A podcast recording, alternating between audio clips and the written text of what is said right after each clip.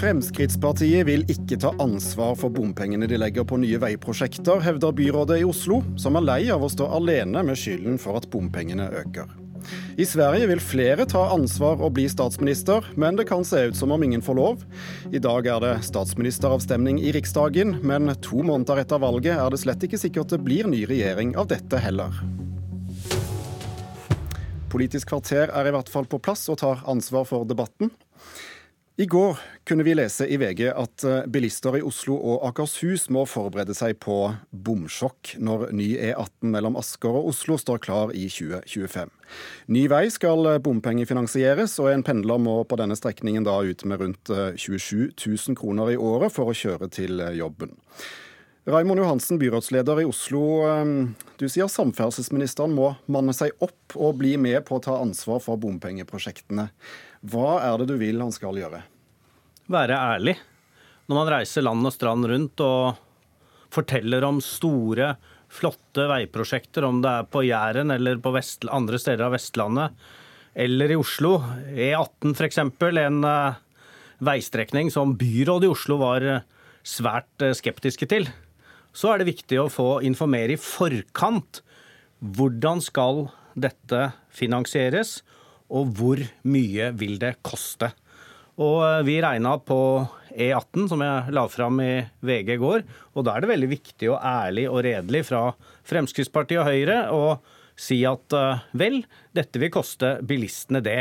Istedenfor å skape et inntrykk av, som Frp i Oslo bl.a. gjør, valget vi står foran nå til høsten er et bompengevalg. Det er de partiene som er mot bompenger, altså Frp, og så er det de som er for bompenger. Arbeiderpartiet, MDG og SV. Jeg syns en redelighet i debatten ville være å være ærlig på hvor mye det koster. Samferdselsminister Jon Georg Dale. Kan du her og nå si klart og tydelig ja, Fremskrittspartiet syns også bompenger er en god løsning? For dere stemmer jo for det både her og der. Det er helt rett. Vi følger opp de lokalpolitiske vedtakene som blir gjort på bompenger. Men motstanden til Raymond Johansen om dette handler jo ikke om det. Det handler om at han ikke vil ha ny E18. Og det trenger vi faktisk.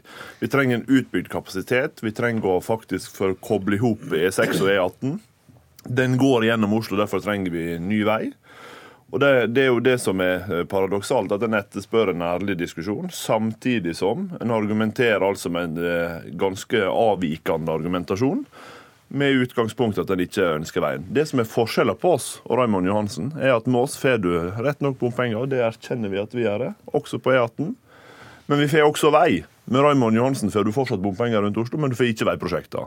Og Det er det viktige forskjeller på også Raymond Johansen. For, det er veldig gledelig å høre at uh, samferdselsministeren nå så tydelig og klart uh, sier at dette vil koste en bilist 27 600 eh, kroner fra Asker til Oslo. Det er før du kommer til bommene i Oslo.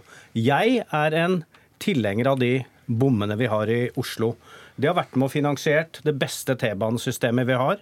Det har vært med og finansiert enda flere kollektivavganger. Det har bidratt til renere luft. Det at vi nå også har økt eh, eh, prisen i rushtiden har ført til en nedgang, så jeg er veldig tilhenger av det.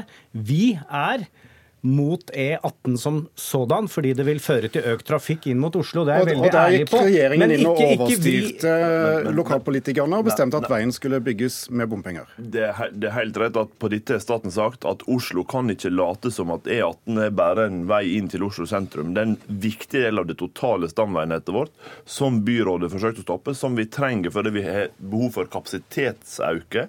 Ikke for å få all trafikken inn til Oslo, men for at transportsystemet rundt Oslo skal fungere. Og Derfor har ikke vi gitt oss på det, til tross for lokal motstand. Men så er jo poenget mitt det er at Jeg jobber jo hele tida for å redusere bompengeandelen i nye prosjekt, også i ditt prosjekt. Jeg har ikke tenkt å gå for de tallene som Oslo-byrådet har regna seg fram til.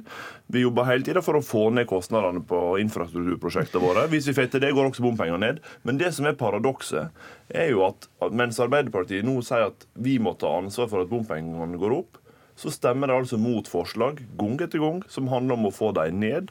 Og jeg er villig til å ta konsekvensen av at det ja, ikke er flertall. Apropos konsekvens, vi må bare høre. I Nasjonal transportplan som regjeringen har lagt frem, så er det planlagt å bygge 1200 km ny vei. Eh, hvor realistisk er det å bygge disse veiene uten bompenger?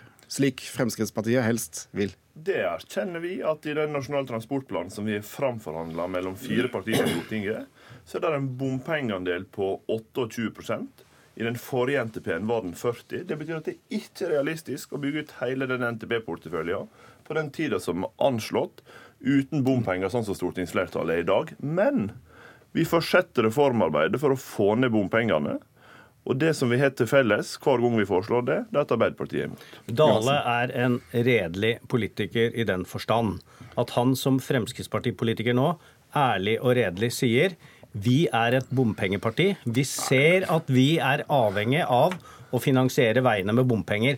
Vet du hva? De reiser rundt og nærmest legger skylda på Fremskrittspartiet og bompengeaksjoner, nærmest skylda på min byråd, Lan Marie Berg, som var fire år gammel da bompengene i Oslo ble innført. Men jeg ønsker en redelig du, du satt i byrådet og innførte ja, Jeg er for bompenger, bompengene. Jeg er for men... bompenger, men jeg vil ikke ha en uærlig valgkamp som skaper et inntrykk av at dette valget vi nå står foran, er for eller mot bompenger. Stemmer du Frp, så er du da mot bompenger. Tull og tøys. Stemmer du Frp, får du bompenger. Stemmer du Arbeiderpartiet, får du bompenger. Stemmer du Høyre, får du bompenger. Det er men denne du, ærligheten jeg vil ha fram ved dette valget. Og du vil vel også ha ryggen fri før valgkampen starter? Jeg vil ha en ærlighet i valget at vi alle er i samme båt, og Fremskrittspartiet må ærlig og redelig si det, samme. Sånn, jeg fremmer ikke en eneste bompengeproposisjon som ikke er lokalpolitisk tilslutning. Dere overkjørte oss i E18-saken, som gjorde det enda dyrere, Dale. Det må det, du bare innrømme. Det betyr at jeg kommer ikke til å fremme en eneste, eneste sak der det ikke er lokalpolitisk tilslutning. Det betyr at det betyr noe hvem Du overkjørte oss på E18, La, det er enda dyrere. La, la meg fortsette nå.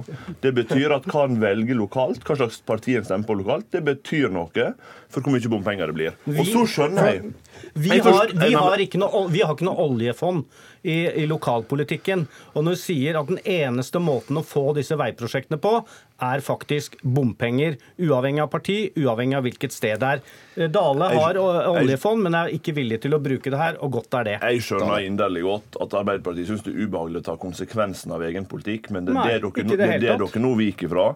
Vi foreslår gang etter gang å redusere bompengene, rabattordninger på ulike veiprosjekt, og Arbeiderpartiet er imot. Men det er vel grenser for hvor mye rabatter du kan gi, for du skal jo ha en penger til å finansiere veien du har at så lenge, så lenge vår oppslutning ikke er større, har vi begrensa handlingsrom på bompenger. Men det er en ting som er helt sikkert, vi utnytter alt det handlingsrommet vi har.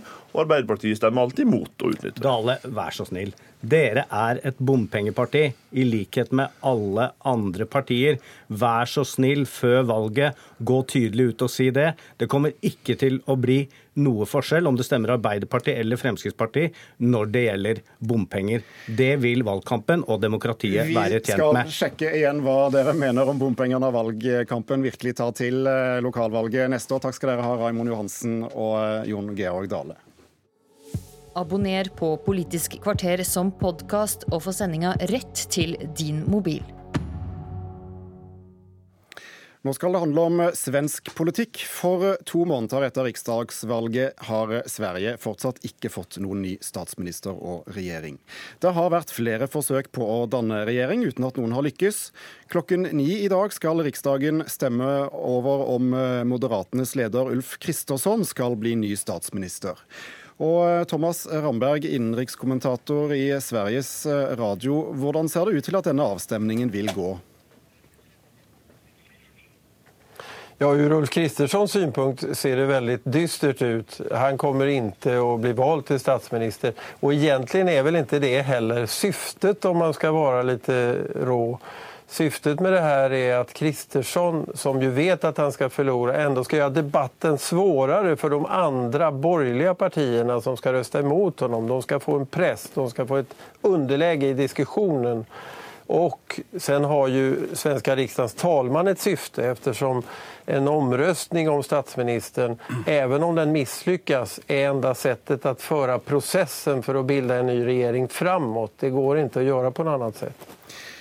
Og i går så, så, fikk vi vite at både Liberalerne og Senterpartiet eh, vil stemme nei til Kristersson eh, som statsminister, selv om de eh, har vært en del av denne såkalte alliansen på borgerlig side. Hva betyr det i praksis?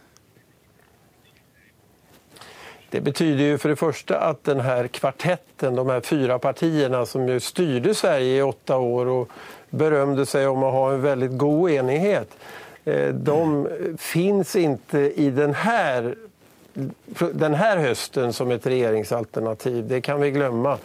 Utan det måste ske på något annat sätt eller också måste det bli ett extra val. Vi fick också ett annat besked igår och det var att Sverigedemokraterna kommer att rösta ja till Ulf Kristersson. Det kommer Centern och Liberalerna att använda som ett skäl till att de har rätt. För Sverigedemokraterna motiverade sitt ja med att de kommer att få inflytande över en sån här regering. Sverigedemokraterna har länge tyckt att det ska vara just så här. Bara kristdemokrater och moderater i regeringen. För då har man ett, som de ser det, ett konservativt block med de själva, kristdemokraterna och moderaterna, som de hoppas ska kunna bli det största och få en majoritet i Sverige i framtiden. De, de är redan uppe över 40 procent, så det är ingen helt stollig prognos. Det skulle vara möjligt om några hundratusen väljare gick dit. Men så att Sverigedemokraterna har ju ett behov av att hjälpa sin egen strategiska politiska vision på det här viset.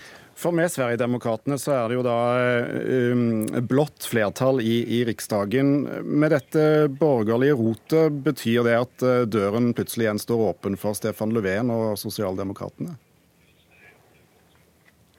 Det ser i alle fall ljusere ut for Stefan Löfven.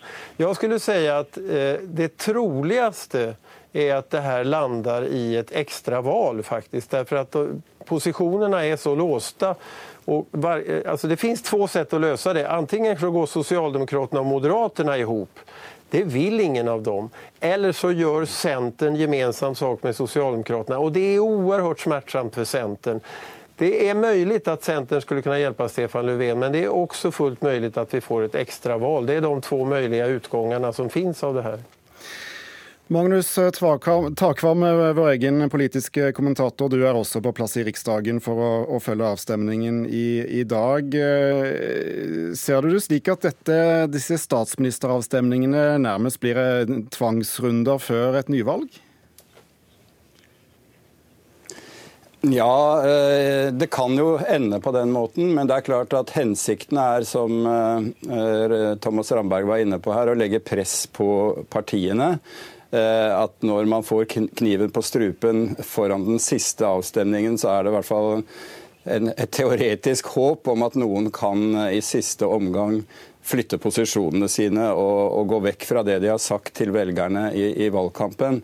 Eh, fordi Teorien er jo da selvfølgelig at et nyvalg ikke løser noen, eh, noe av den parlamentariske floken som er.